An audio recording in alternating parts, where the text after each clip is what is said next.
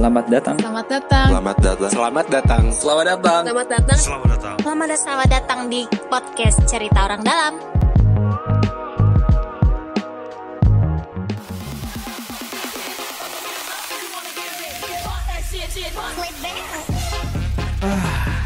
Oke, kita lagi ini ya mendapatkan viralitas Iya. apa ya namanya ya? Fenomena baru. Fenomena baru di ibu kota. Fenomena SCBD. Apa itu SCBD Pak Fahri? Sudirman. Citayam. Bojonggede. Depok. Enggak, tapi Sudirman itu beda-beda ya. Ada yang bilang Sudimara, ada yang bilang sekitarnya. Iya. Tapi sebenarnya ini apa berarti? Sebenarnya fenomena warga sekitar Jakarta, Ya. eh, warga pinggiran lah bahasanya, yang pakaiannya pun sederhana, atau mungkin bagi sebagian orang mungkin dalam tanda kutip alay, tapi mereka nongkrong tuh pak di Sudirman. Jadi agak kontras dengan pakaian para pekerja-pekerja di Sudirman yang, yang cenderung rapi, kayak kemeja gitu pak. Sudirmannya mana dulu tapi Bray? daerah duku atas SCBD SCBD beneran yang Sudirman Central Business District Oh, Eh, ini di area SCBD atau di area kota kan jauh banget, Pak? Eh, kan mereka mainnya emang sepanjang itu pak Enggak, tapi sepanjang kan trotoar kita itu. selama ini SCBD itu adalah SCBD yang di SCBD beneran kan? Iya. Yang dekat kawasan GBK kan, Iya. depannya Betul. itu SCBD itu. Iya. betul betul. Ini berarti SCBD tapi bukan yang SCBD itu. Iya. Tetapi area baru yang di sekitar Duku Atas, Iya, Jalan betul. Sudirman juga berarti ya. Betul. Oh, oke. jadi oke. titik utamanya memang di sekitar duku atas Iya iya iya, gue lagi lagi rame tuh di TikTok gue liat ya. Sampai sekarang hampir semua media-media arus utama memberitakan Asli Pak. JJ, Asli asli. Bonge. Bonge, Kurma. Kurma. Roy, Roy. Roy Tapi lu lihatnya gimana nih, Ki, fenomena ini?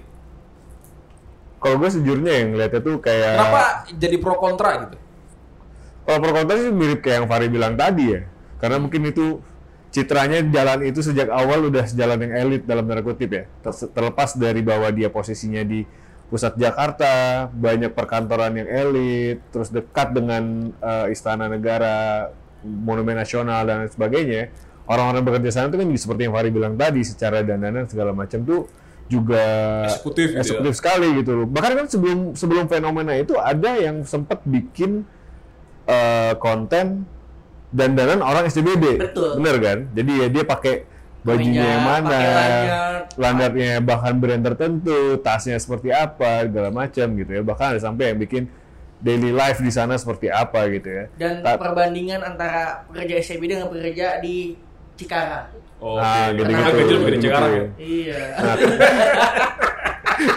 terus tapi tiba-tiba muncul eh, orang eh, sekelompok anak-anak yang main di sana nongkrong di sana ya seperti tadi Fahri bilang ya membuat kontras sejujurnya tapi ini jadi satu hal yang menarik kalau gue pribadi merefernya pada eh, mungkin sebelumnya juga ada yang Eco Park ya bahwa eh, rame nih tiba-tiba orang yang bayangan atau desainnya di Eco Park tuh kapasitas berapa tapi jadi sampai begitu gitu Tapi kan ini nggak cuma sekedar rame kan. Maksud gue yang bikin ini jadi menarik karena yang meramaikannya itu membawa identitas yang me- baru dalam tanda kutip Iya. mungkin shocking gitu ya. Iya. ya Bagi orang-orang Jakarta selama ini gitu kan. Iya. Kita melihat ada anak muda eh, apa banyak banget pakai baju yang apa stylish gitu ya, Iya. yang menurut ukuran kita, wah ini kalau di hari-hari biasa mungkin kita nggak bisa lihat nih nemu-nemu mereka ya, gitu ya ya hari-hari tersebut biasa sekarang mereka muncul di sana semua dan meramaikan dan mengokupasi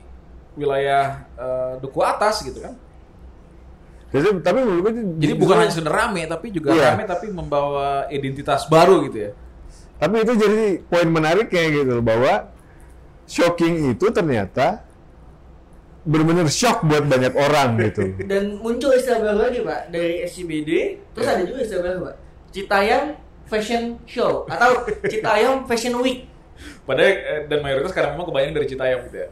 eh mungkin karena beberapa kayak orang kayak dari Bonge dan teman-teman itu Iya. mungkin ya karena mereka ketika diwawancara ditanya sama konten TikTok mereka bilang dari Citayam tapi Iya. mungkin banyak juga yang dari Iya. daerah lain tapi Iya. mungkin nggak nggak kena sorot aja Iya, iya. Tapi yang menarik lagi adalah mereka sadar nggak sih awalnya itu mereka akan jadi seperti ini gitu. Maksudnya gue yakin Maksudnya mereka tuh eh, eh, anak-anak muda itu. Iya anak-anak muda itu yakin nggak akan se, se- sebegininya uh, fenomena itu akan dibahas gitu, diulas. Gue ngerasa seminggu ini kayaknya itu terus pak. Kalau kata gue sih enggak ya, mereka tuh enggak enggak enggak ada niatan atau tujuan untuk menjadi viral karena sebelum fenomena ini menjadi sangat hangat diperbincangkan oleh netizen ibu kota sebenarnya udah banyak juga Iya. pakaian-pakaian kayak gitu di sepanjang duku atas Dan- dan biasa di aja, dan kan? biasa aja cuman karena mungkin mulai banyak nih konten kreator TikTok yang nanya kayak namanya siapa Iya. terus pacarannya kayak gitu kalau pacaran budgetnya berapa gitu itu Iya. mungkin itu yang menjadi daya tarik dan Iya. naik Jadi dari segi apa audiens sebenarnya dari dulu pun begitu kan begitu kan sebenarnya kan wilayah itu baru ya. Iya. Dalam artian dulu mungkin kawasan Kendal itu nggak bisa seperti sekarang Iya, Nggak betul, jalan betul. kaki susah segala macam tiba sekarang udah bisa jalan kaki dan dari beberapa tahun yang lalu juga sebenarnya gue lihat gue sering tuh motret atau naik sepeda jalan-jalan situ anak-anak yang sekarang ini juga biasa nongkrong di situ tapi jumlahnya nggak sebanyak sekarang Iya. Betul. tapi Ya. kalau lu lihat lo di interview mereka juga itu rata-rata datang ke sini kenapa taunya dari mana dari TikTok Hmm. Mungkin mungkin awalnya bermula dari beberapa orang gitu ya, Iya. terus wah asik juga ternyata nongkrong di situ ya. Jadi ada ruang yang di mana mereka tuh bisa mengekspresikan diri gitu. Betul. Dan mungkin kalau misalnya gue masih di umur mereka ya, gue mungkin juga akan sama pak. Maksudnya gini pak, kayak fenomena-fenomena tahun-tahun 90-an kan di Blok Blok M M. kan juga begitu dulu kan. Iya. Betul. Orang-orang uh, nongkrong, saling nongkrong di mana, bahkan beda tongkrongan segala macam dan base-nya juga bisa karena Cuma style, punk, segala macam. itu ya anak Jakarta juga kan ya nggak sih? Iya, iya, iya, iya. kalau sekarang sih gue mikir karena apa ya? Mungkin karena ini pak. Accessible ya? Aksesibel karena orang mau ke Sudirman itu gampang pak. Iya. naik kereta langsung di Sudirman. MRT Sudirman. Busway Sudirman. Maksudnya semudah itu pak untuk ke Sudirman.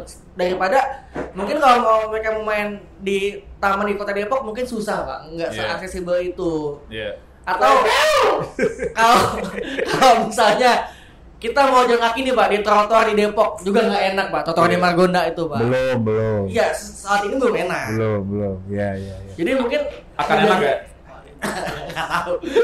Jadi mungkin eh, Sudirman itu saya Sibo juga trotoarnya bes- besar Iya. dan nyaman buat Tapi lo perhatiin gak sih pas di awal-awal fenomena ini muncul rame kan muncul komentar dari yang sokal anak Jakarta beneran gitu ya. Wah ini bikin malu aja. Wah ini apa? Nah, itu, Nggak itu. mandi. Itu, itu. Wah ini bajunya alay segala macam gitu kan. Dan Itu- sekarang sepertinya justru gimana gitu? Aneh sih menurut gua karena kayak apa ya? Kayak em, kenapa itu tadi kalau gue merefer pada diri gue ya kalau misalnya gue mungkin di sosial mereka gue mungkin juga akan melakukan hal yang sama gitu maksudnya kalau gue melihatnya karena asik nongkrongnya bray sore ngelihat gedung di tempatnya lu bisa duduk di trotoarnya enak duduk di apa Ah, di bangku-bangkunya keren-keren enak. gitu. bangun juga enak gitu ya mau ke sana juga aksesibel ya Iya. murah relatif dan segala macam lu mau nongkrong juga banyak pilihan Betul. ya kan ada Starling juga di sana bisa lu bisa ya modal 5000 dan segala macam juga bisa ini Iya. gitu loh sore ngelihat wah tuh asik sebenarnya Bray apalagi Ya lu harus sosial mereka sih. Gue sekarang pengen ke sana kan. iya dan dan yang ke sana pun motifnya macam pak. Ada yang sekedar jalan kaki pulang kerja, ada yang mau naik skateboard sore-sore, naik sepeda. Tapi gue satu sisi tuh gue tuh ini loh pak salut sih sebenarnya gini. Mereka tuh ngajarin sebenarnya orang urban orang kota Jakarta beneran ya cara Ya. menikmati kota tuh seperti apa seperti mereka. betul, Betul. Jadi betul, lo betul, nggak betul. naik kendaraan pribadi, lo nggak bikin macet ya kan, Betul. lo nggak nyibuk nyari parkir. Kan bahkan lo lihat komentar-komentar di TikTok segala macam, wah gue mau cuman ribet parkirnya gitu kan. Mereka tuh nggak mikirin itu karena mereka tuh udah. Ya, udah ya, mengembrace urban living di mana menjadi warga urban itu berarti lo terikat dengan transportasi publik dan fasilitas publik bagi gue mereka jauh lebih urban Setuju, sifatnya daripada orang Jakarta beneran yang masih mikir parkirnya di mana. Iya, iya, iya, iya, iya, iya. Catet nih. Iya.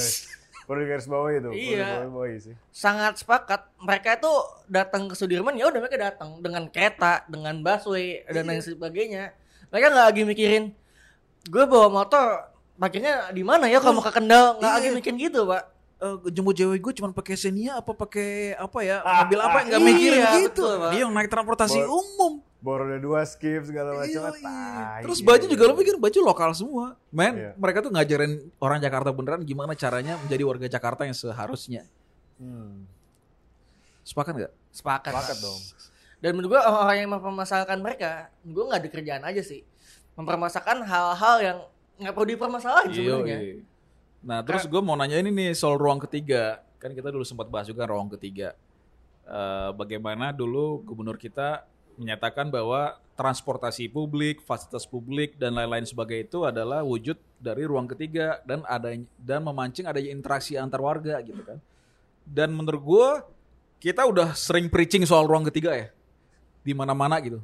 Tapi kan orang kadang masih di apa dalam masih awang-awang gitu. Nih Realnya seperti uh, apa? realnya gitu seperti ya. apa sih gitu. Kalau sekarang kita menjelaskan ruang ketiga tuh gampang banget. Lo tinggal lihat apa yang terjadi di duku atas, that's ruang ketiga gitu kan. Fenomena SCBD. Fenomena CBD. Eh tapi gue penasaran mereka tuh nongkrongnya sore doang ya? Iya, sore ke malam. Sore ke Tapi malam kalau ya? weekend biasa seharian kan. Iya, kalau weekend biasanya dari pagi atau siang. Tapi kalau weekdays mostly ya di jam sore. Dan menumbuhkan ini ya, artis-artis baru gitu ya. Iya. yang gayanya tuh melawan arus arus utama. Iya. Menarik sih. Maksud gue kayak lo bayangin ya, misal lo adalah remaja di Citayam atau Bogor gitu ya. Eh gaul lo mungkin gitu-gitu aja gitu ya di sekolah, di madrasah lo gitu kan. Terus sebelumnya lo mungkin sebelum kenal wilayah ini lo pakai paling motor-motoran sama teman-teman tuh. Iya. Bawa motor, balap-balapan segala macam itu kan. Mabuk-mabuk, apa nggak jelas gitu. Tiba-tiba sekarang lo bisa behave seperti oh kita kita bagian dari masyarakat kota yang besar loh gitu kan nongkrong lo individualis gaya lo tuh individual gitu kan nongkrong sama teman-teman sebaya jadi diri lo sendiri di tempat publik segala macam bagi gue kayak anjir keren banget sih Dan dan gue penasaran ini sih pak sebenarnya. Ruang ketiga itu kan ruang yang sebenarnya kalau Pak Gubernur selalu bilang sebagai ruang interaksi kan. Betul.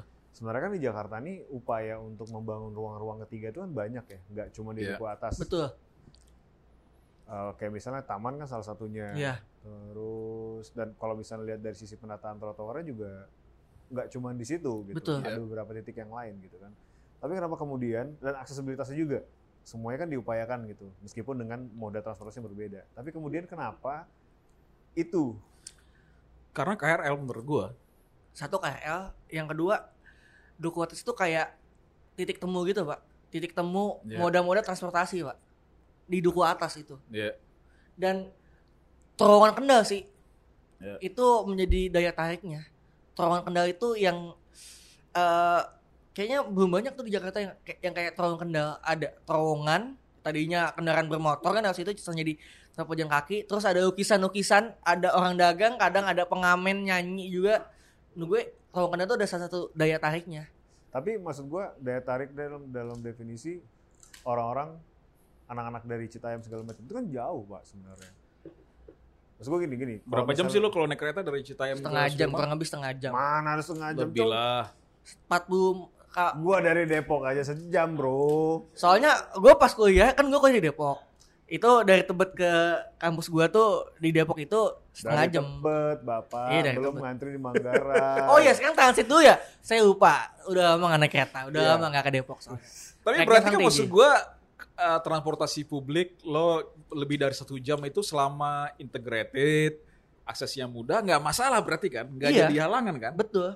lo bayangin misalnya ada anak jakut mau nongkrong ke Kemang bawa kendaraan pribadi itu aja mungkin jauh lebih lama waktunya Betul. belum nyampe Betul. belum lagi pas sudah nyampe di lokasi sibuk pak cari Nggak parking vale segala macam Iya. gitu Parkirnya setengah jam, Pak. iya Gue mencoba membedah ini sih kayak kenapa ruang ketiga itu terlepas dari bagaimana mereka viralnya ya dengan kelakuannya yang uh, Unik. unik gitu ya, dengan percakapannya, dengan stylenya, dengan bahasanya yang muncul bahasa-bahasa apa namanya? Bahasa-bahasa Citayam. Eh, bukan kalau apa sih? Eh, bahasa-bahasa selengean bukan. Bahasa slang. ngekas. Ya kan dulu kan Kata-kata ada, ada slang. kalau jam tahun 90 juga ada tuh bahasa-bahasa sendiri kan, Iya. bahasa-bahasa tongkrongan sendiri gitu. Terlepas dari itu semua, eh selain aksesibilitas dan segala macam kan kalau kalau gue tadi mikirnya kalau aksesibilitas segala macam tuh dan apalagi kondisinya itu di perkantoran, mungkin orang-orang bekerja aja gitu. Dan itu mungkin terjadi eh, sebelum mereka sering di situ kan. Betul. secara secara target mungkin selesai gitu loh. Dan itu juga kenapa di ruang-ruang lain targetnya kan seperti itu. Tapi kenapa mereka tiba-tiba muncul dan memilih tempat itu? Nah itu yang gue selalu penasaran gitu loh.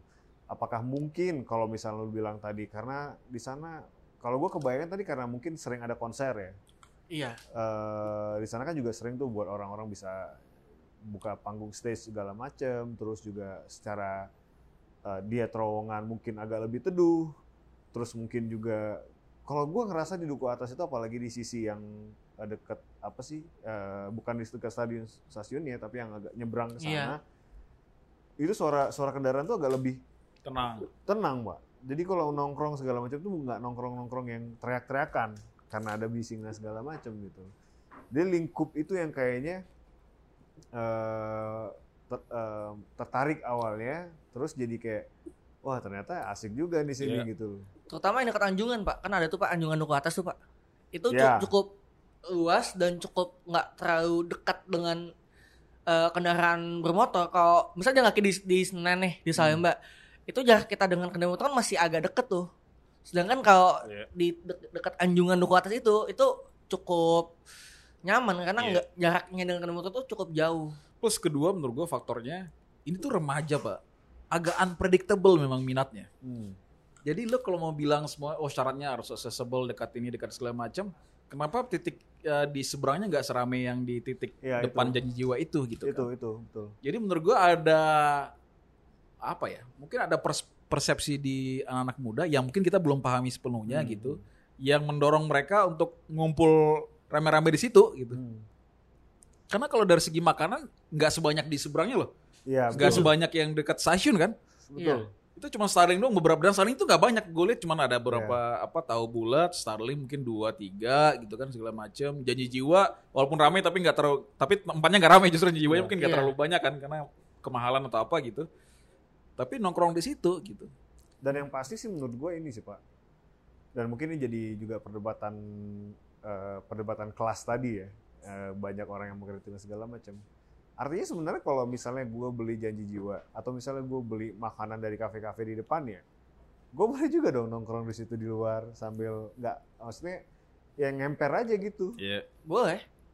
Iya Dan mungkin ngasih pengalaman berbeda juga kali ya. Bener bener bener. Gue sih gue jadi optimis ya, optimis sama ruang publik di Indonesia. Karena Jakarta kan dilihat dari mana-mana gitu ya. Berarti lo sebenarnya memungkinkan kok bikin ruang publik yang terbuka, rame, tanpa parkir, di mana orang tuh bisa interaksi lama gitu, tanpa harus lo eh, mikirin macem-macem gitu. Prinsipnya selama aksesibelnya aksesnya mudah, lo nyiapin ruang terbukanya yang menarik, fotogenik, orang pasti akan datang dengan sendirinya gitu kan. Betul. Siapa pun orangnya gitu, mau di kelas atas, bawah, tengah segala macam gitu. Dan dari segala usia. Dan segala usia. Dan lagi-lagi yang gue bilang tadi, sebenarnya yang mereka lah sebenarnya yang apa yang secara proper menjadi urban citizen Betul. dibandingkan mungkin orang Jakarta sendiri Yang masih kendaraan ya. yang masih terobsesi dengan kendaraan-kendaraan pribadi gitu yang gak mau keluar dari zona nyamannya mereka gitu. Dan lo Oh. kadang berarti mereka bawa duit cuman berapa bu, lo bawa rumah 10.000. berapa? Dua puluh ribu gitu kan.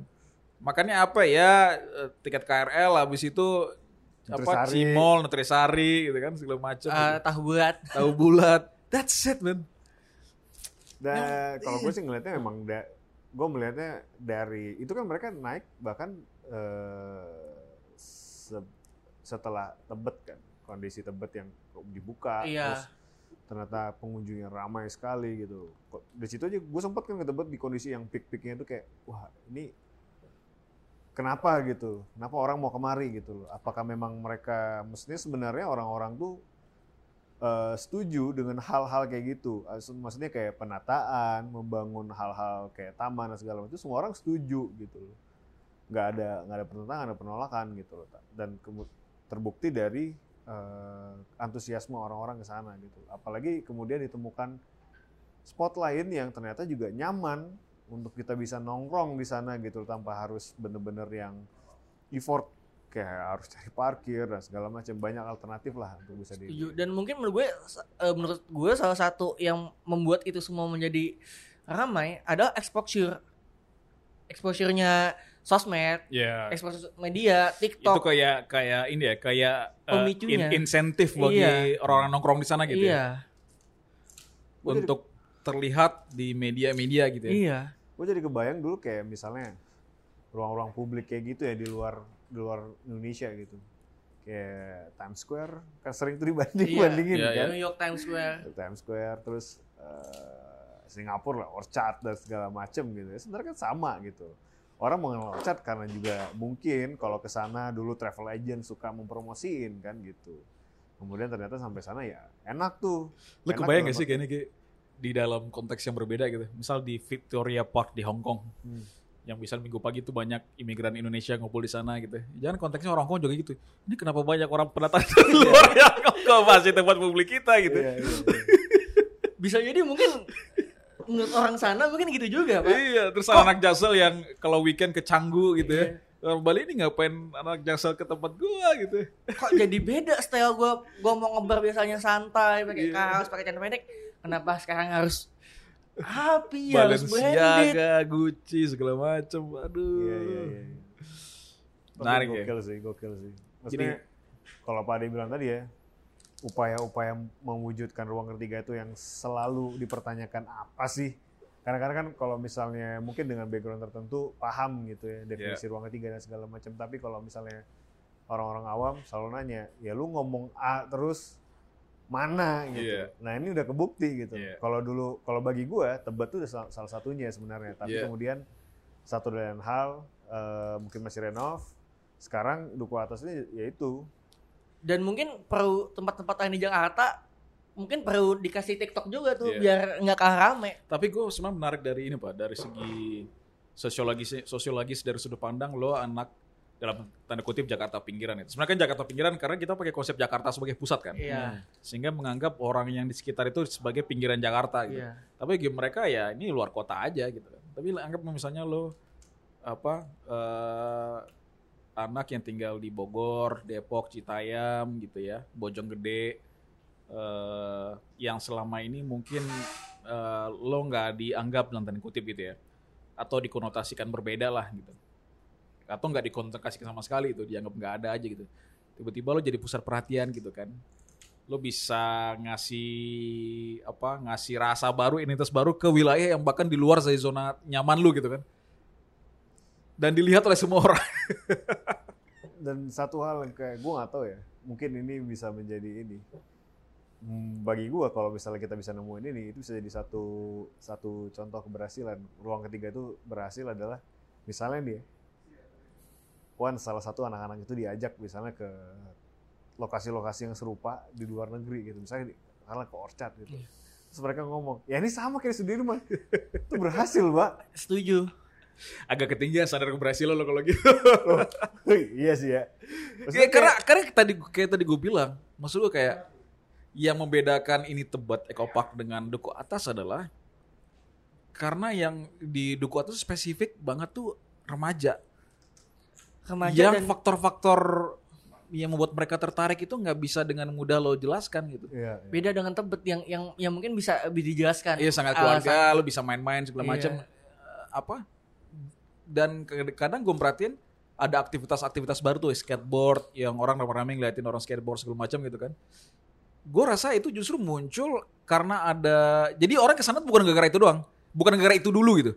Tapi gara pengen there aja dan kemudian akhirnya eh daripada cuma bengong doang, ya nih ada pertunjukan nih jalanan gitu kan. Akhirnya mereka ada bikin aktivasi baru gitu. Hmm. Tapi datangnya bukan karena itu. Datang tuh "Gah, gimana sih lo remaja berpikir gitu kan? Apa? Iseng ya, aja, iseng pengen- aja. Iya, pengen- karena memang nggak bisa dijelasin. apalagi bareng-bareng ya Iya. temen-temennya Terus misal ya. kalau lo ajak mereka ke Orchard, bisa jadi mereka pengalaman juga berbeda. Bisa jadi nggak seasik ketika mereka di duku atas gitu misalnya kan. Hmm. Not with my hood gitu kan kalau bahasa USA aja gitu kan. Iya, iya, iya, iya, iya, iya, iya. Sehingga pemerintah itu kadang-kadang memang tujuannya tuh memfasilitasi aja, lu nyiapin landscape-nya, terus biar masing-masing warga itu yang menerjemahkan sendiri dan ngasih identitas sendiri terhadap ruang ketiganya gitu kan. Mungkin satu di tempat yang lain ada ruang ketiga juga di peak misal gitu ya. Yang mungkin karena nggak masuk berita aja, tapi di diwarnai sendiri Betul. oleh anak-anak muda sendiri gitu kan, atau kelompok-kelompok sendiri. Atau mungkin di selatan, di daerah lain, Blok M, terus di M, Blok Space dan segala macam ya sebenarnya juga bagian dari ruang ketiga gitu. M Block Space juga termasuk Iya. bagian yang ruang ketiga. Hmm. Cukup ramai M Iya. Block Space. Jadi sebenarnya jangan-jangan tuh secara nggak langsung sebenarnya sudah banyak ruang ketiga yang di apa diaktifasi. Cuman yang membuat duku atas sangat berbeda itu mungkin karena sangat kontras ya. Iya. dan sangat unik dari segi identitas sehingga menjadi perhatian semua orang gitu. Iya, iya, iya. Dan Ada- karena menjadi perhatian semua orang, dia menjadi billboard yang sangat tepat untuk menjadi apa? Untuk menjelaskan hal-hal yang banyak, yang rumit itu yang bilang ruang ketiga. Lu daripada jelasin yang block space ruang ketiga, mending nih lihat tuh ke atas gitu. Jadi orang gampang mengasosiasikannya, oh that's it gitu. Ya, mudah-mudahan sih kalau gua ngelihatnya ruang-ruang itu semakin banyak sih. Pertanyaan gue gini sebenarnya, Eh, lu lihat fenomena ini akan berapa lama?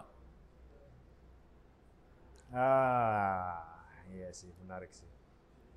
Kalau berapa lama sih bagi gue pribadi sih kayaknya kalau tidak dilarang itu tahan lama sih. Hmm. Kalau gue selalu ngebayangin ini adalah Blok M zaman dulu pak. Blok M, Blok M Plaza zaman dulu gitu. Kan sebenarnya di sisi Blok M Melawai itu kan sama pak. Ya, gultik gultik. Iya, ke sama gitu. Dan itu kan bisa bertahan gitu. Atau mungkin berganti ketika mungkin anak-anak ini kemudian menemukan hal yang baru. Mereka kemudian mungkin mungkin misalnya si- masih SMA sekarang ya, tiba-tiba nanti kuliah dan segala macam mungkin berganti dan segala macam. Mungkin itu Atau tiba-tiba di Depok ada tempat baru gitu ya. Iya. ya, ya, mungkin itu bisa menjadi masa ini. Tapi gua rasa itu lama dan itu natural jadinya. Kalau dilarang itu sih yang yang menurut gua malah pertanyaan jadi pertanyaan kalau Kenapa dilarang. harus dilarang? Iya. Enggak. gitu. Iya benar. Jadi kayak kayak lu ngapain bikin itu supaya bisa dinikmatin, tapi itu kemudian dilarang. Itu kayak fenomena rumput jangan diinjak Iya. ya. Iya. Oh, saya mau ngomong, Pak. Ngapain bikin taman tapi rumputnya nggak boleh diinjak? gue gue malah pikir gini, impactnya jangan-jangan bisa lebih besar deh potensinya. Jangan-jangan ini kan gini, model evolusinya kan di awal-awal dicibirin semua orang itu kan. Iya. Dicibirin lama-lama orang, wah keren juga ya gitu. Lama-lama tuh bisa jadi uh, kultur mainstream pak. Iya. Jadi jangan-jangan tuh gue kayak kayak kita misal ke oh COD kaos kita promonya di sana aja deh bikin konten Iya. di sana gitu kan. Walaupun kita yakin audiens kita besar nggak mereka gitu. Tapi karena identitasnya sangat kuat, itu malah bisa dieksploitasi dalam tanda kutip ke arah yang sangat komersil. Iya. Misal gini loh, lo kayak logo-logo Supreme segala macam atau brand-brand gede, fun segala macam tuh yang muncul tuh memang dari ini Iya, kan awalnya. kelompok-kelompok bawah gitu. Iya. Tapi karena fondasi kulturnya kuat, akhirnya tuh naik ke atas dan jadi fenomena global gitu. Contohnya- Gua, iya jajan Citayam Fashion Week ini Beneran ada identitas gede di Jakarta dan Bisa jadi, jadi, Pak. arus utama gitu. Contoh eh, ini nih, Pak. Identitas anti sosial sosial club. Dulu kan, kan cukup menjadi Iya. sebuah cibiran. Ngapain sih lu pakai kaos anti sosial sosial club? Ah, Tapi pada akhirnya banyak yang Kalau gue sih masih nyibir pas dalam, dalam tanda kutip memparodikan kata-kata itu. Iya. Gue kalau lu pakai kaos gue gak mau temenan malah. Ada, Pak. gue sih ini iya, kayak iya. rebel sih. Ini kayak Iya. anti kemapanan apa sekelompok anak muda yang anti kemapanan. Yang peduli amat gue walaupun gue economically apa nggak setajir anak-anak Jakarta, Iya. tapi gue pede gitu dan dari segi masa dan dari segi fans yang ngikutin setidaknya lumayan gede gitu ya. Mereka Maka gue sampai- sepakat ya Dr. Tirta bilang di pod, eh, podcastnya dia, ini yang secara ekonomi bisa sangat ini gede potensinya gitu kalau digarap secara serius ya. Soal brand-brand Citayam Fashion Week ini gitu. Setuju, Pak. Mereka udah sampai model ini, Pak. Ikan Dufan, Pak. Dan banyak tawaran-tawaran yang Iya, mereka luar dugaan sekarang Bonge kan? dan kawan-kawan ini, Pak. Bonge, JJ, Roy dan kawan-kawan ini udah punya red card, Pak, sekarang, Pak. Jadi kita sudah tidak bisa eh, pro bono, Pak, kalau Iya. mau wawancara mereka, Pak. Udah ada Ini kalau misalnya harganya. ini ya, apa, eh gue artis atau orang kreatif ya, lo, lo bisa create nyari benang merah soal desain Citayam Fashion Week itu apa sih gitu, dan kemudian memperkenalkan ulang apa brand Citayam Fashion Week yang baru gitu, dengan mengambil nilai-nilai yang ada selama ini di anak-anak di sana gitu. Misal ya lo bisa apa eh, lo kadang gue lihat mereka pakai kaos tangan yang apa sebelah gitu Iya. kayak Michael Jackson gitu kan. Atau rambutnya poni tapi panjang Man, sebelah. iya maksud gue that's an inspiration lah, iya kan? Lo kalau Kan itu mau eksploitasi juga- itu juga style lucu. itu kan dulu juga Iya. dipakai kan? Iya. Gue sempet soalnya gue sempet pak SMP Itu kayak gitu, style Pak. era 2000 awal 2010-an Iya. tuh style-style Iya. kayak gitu. Aduh, menarik menarik nih. Ngomong-ngomong soal brand sebenarnya bisa banget Pak. Itu menjadi bisa juga sebenarnya dikapital dikapitalisasi oleh Pemkot atau Pemkap asalnya. Iya. Iya, kalau kalau misalnya eh ingin lebih tuh sangat bisa pak. Iya iya. Ada festival pak di Citayam tiap tahun namanya Citayam Fashion Week misalnya. Nah kan keren banget pak. Gue sih pengen nanti ada brand-brand lokal itu yang munculnya tuh gara-gara ini. Iya. Gara-gara mereka gitu. Yang ya. yang lahirnya itu karena dipakai di anak-anak ECBD ini gitu. Ya, begitulah. Gitulah. Slebeo.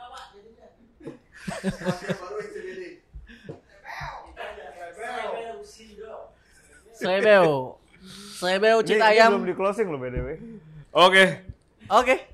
Sekian Gurawan dan Gumaman dari kami. Silakan Pak Fahri ditutup. Oke. Eh karena udah sore dan sudah cukup aman juga Jangan kita percaya dengan semua yang kita ngomongin ini ya kita hanya ngebacot aja sih. Jadi terserah kalian lah mau menanggapinya kayak gimana. Terus Semoga SCBD semakin berjaya. ada template boy. Ada template closing kita. Ada template-nya. apa? Apa sih sebel sebel? Gak ada apa-apanya. Dengerin terus cerita kita. Dengerin terus cerita kita karena cerita kita cerita orang dalam. Yes.